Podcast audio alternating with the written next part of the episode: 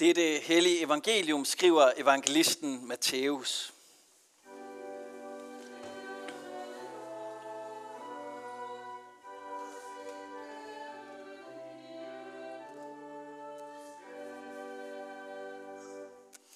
Jesus gik bort derfra og drog til områderne ved Tyrus og Sidon.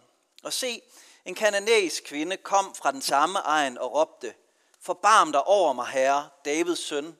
Min datter plages slemt af en dæmon. Men han svarede hende ikke et ord.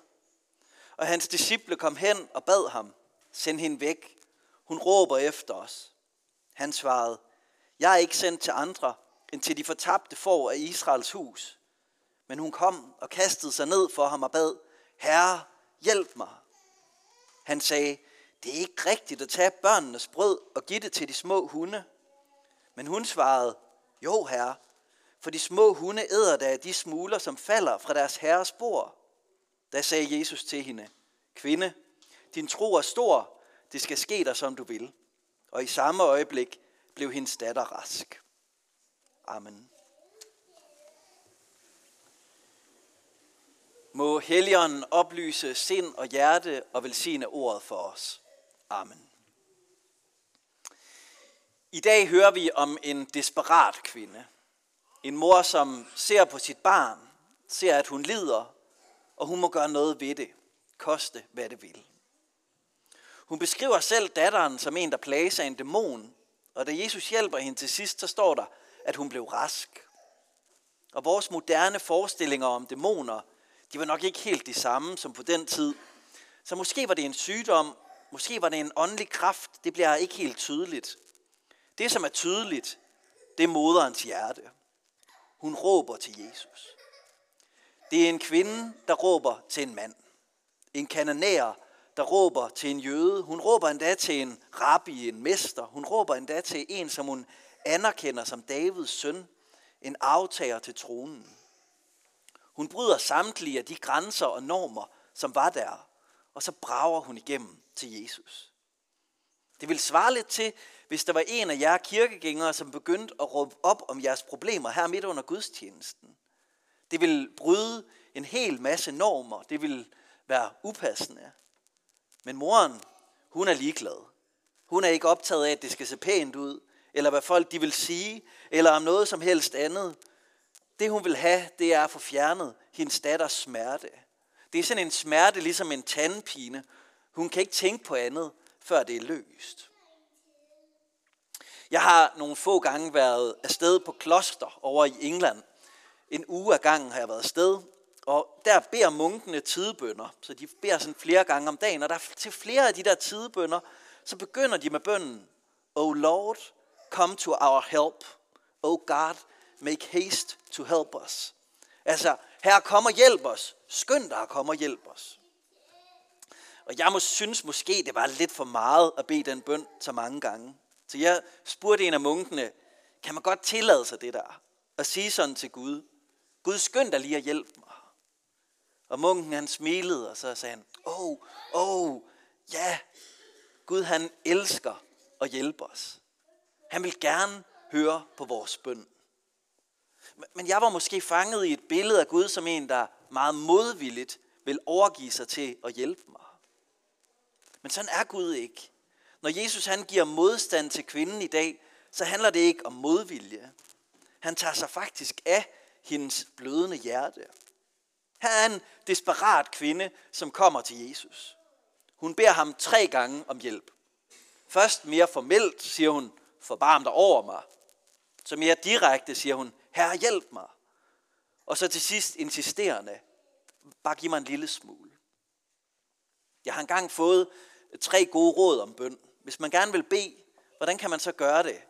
Man skal holde det enkelt, holde det ærligt og holde ud. Altså hvis du gerne vil bede til Gud, så hold det ægte, keep it real, som man siger. Bare sig det, som det er. Og så hold det enkelt. Det er ikke nødvendigt at bruge en masse svære ord. Bare sig det helt enkelt, ligesom du har det med de ord, som du har. Og så hold ud. Bliv ved med at bede. Lad være med at stoppe ved den første lille forhindring. Og det er faktisk det, som kvinden hun gør her. Hun holder det ægte og enkelt, og hun holder ud i sin bøn. Men Jesus han svarer jo ikke kvinden, sådan som vi måske har lyst til eller havde håbet. For først så svarer han med stillhed. Han siger ikke et ord. Og det kan være, at du har oplevet, at din bøn den er blevet svaret med stillhed. Men kvinden, hun stopper ikke med at bede.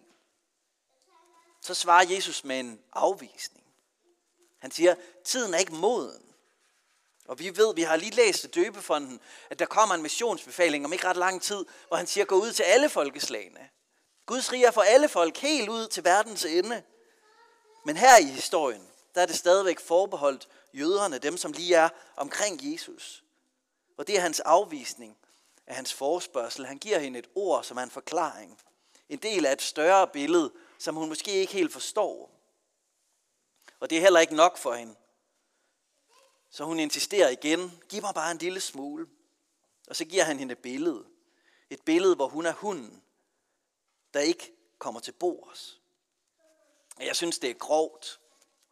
Hun kommer med et åbent hjerte og fortæller ham om sit syge barn, og så siger han, du er som en hund, der forsøger at få plads ved festbordet. Men hun lader sig ikke stoppe. Hun går bare ind i billedet og siger, okay, så hvis jeg er en hund, så spiser jeg det, der falder fra bordet. Giv mig bare det, som falder fra bordet, den mindste smule. Bare giv mig en lille smule. Og Jesus han giver hende lidt. Han helbreder hendes datter. Og så fremhæver han hendes tillid til ham. For Jesus han arbejder altid på at få vores tillid, vores tro på ham. Han giver hende noget modstand, og på den måde så kalder han en tydelig tillid, en tydelig tro frem. Hun får lov til at være i længslen, og den vokser og bliver insisterende. Der er altså en dobbelthed her, fordi vi på den ene side ser, at vi kan komme til Jesus med alt, også med det, som ikke er pænt og poleret. Vi kan godt sige til Gud, skynd dig og hjælp os Gud. Og på den anden side, så ser vi også, at vi kan forvente modstand. For han ønsker mere end noget andet, at vi har tillid til ham. Og nogle gange, så vokser den tillid bedre i modgang end i medgang. Vi kan komme med alt, men vi får ikke alt, hvad vi peger på. Vi kan komme med alt, men vi må forvente modstand. I kirkeåret, der er vi i fastetiden. Og altså den der rejse op til påske. Og et af temaerne i fastetiden, heroppe imod påske, det er kamp. Vi må forvente åndelig kamp i det kristne liv. Og det, som er godt ved det budskab, det er ærligheden omkring livet. Livet er ikke altid en dans på roser. Den kristne tro er ikke sådan en mirakelkur eller en talisman, som beskytter imod sygdom. Nej, det er et fællesskab. Et fællesskab i kirken, hvor vi får lov til at bære hinanden. Dele vores oplevelser i livet. Både i de store øjeblikke, for eksempel ved livets begyndelse, og i de svære øjeblikke, når vi tager afsked med nogen, vi elsker. Men ikke nok med det, så minder det her tema om åndelig kamp os også om, at vi ikke er alene i livet. Fællesskabet med Gud er der. Selvom du råber ud i nattehimlen og ikke kan se stjernerne, så er de der. Og selvom Jesus han ikke svarer på bønnen i første omgang, så du hører det, så er det ikke fordi, han ikke har hørt det. Det, som vi har svært ved at tage imod her, det er, at han ved bedre. At han ser moderen og den syge datter. Han ser, at det, hun har brug for, det er at få lov til at kæmpe sig igennem bønden. At få lov til at sætte ord på tilliden. Så når hun får det, hun søger, har fået en større gave, end hvis hun bare havde fået helbredelsen med det samme. Og der er noget svært ved det. For vi vil gerne have tingene med det samme. Og det er langt fra altid, vi får lov til at se mening med det hele. Og det er langt fra al smerte, der forklares. Og det er langt fra al lidelse, som kommer til at give mening.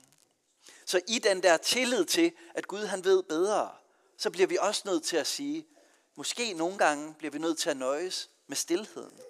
Måske nogle gange må vi nøjes med at få et ord, som egentlig er et nej. Og måske nogle gange, så mødes vi i vores desperation med den helbredelse, eller hvad det nu er, vi længes efter. Men uanset hvordan vi mødes, om det er med stillhed, ord eller helbredelse, så minder den her beretning os om i dag, at vi ikke er alene.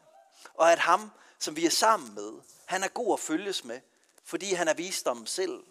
Fordi han ser hele universet i ét blik. Fordi han er skaber og frelser og fornyer. Fordi han har en stor plan med universet. Og fordi at den plan er god. Og at den er båret af kærlighed. Og vi har en plads lige midt i den plan. Så må du i den her uge få mod til at smide hæmningerne i din henvendelse til Gud. Og må han give dig lige præcis det, som du har brug for. Og må du opleve, at der i din åndelige kamp vokser udholdenhed, og ud af den udholdenhed en dyb tillid. Ære være faderen og sønnen og helligånden, som det var i begyndelsen, således også nu og altid og i al evighed. Amen. Herre, forbarm dig over os. Herre, hjælp os. Herre, giv os bare de smuler, som du har til os fra dit store bord. Og far, så beder vi frimodigt for alle dem, som vi tænker på, der har det svært. Vi beder for dem, der er syge, og dem, der sørger. Trøst og styrk dem, Gud. Vi beder for dem, som er anfægtet eller fristet. Mød dem med din hjælp. Og Gud, så beder vi også for din kirke. Velsign og bevar dine hellige sakramenter, og lad dit ord have frit løb i blandt os. Må dit rige med retfærdighed, fred og glæde i helligånden udbredes og vokse. Og Gud, så beder vi for vores land. Hold din beskærmende hånd over vort folk og fædreland og alt dets øvrighed. Velsign og bevar vor dronning Margrethe den anden og hele hendes hus. Giv dem og os alle noget, fred og velsignelse, og efter et kristet liv, den evige salighed. Lad os med apostlene tilønske hinanden, hvor Herre Jesu Kristi nåde og Guds kærlighed og Helligåndens fællesskab være med os alle. Amen.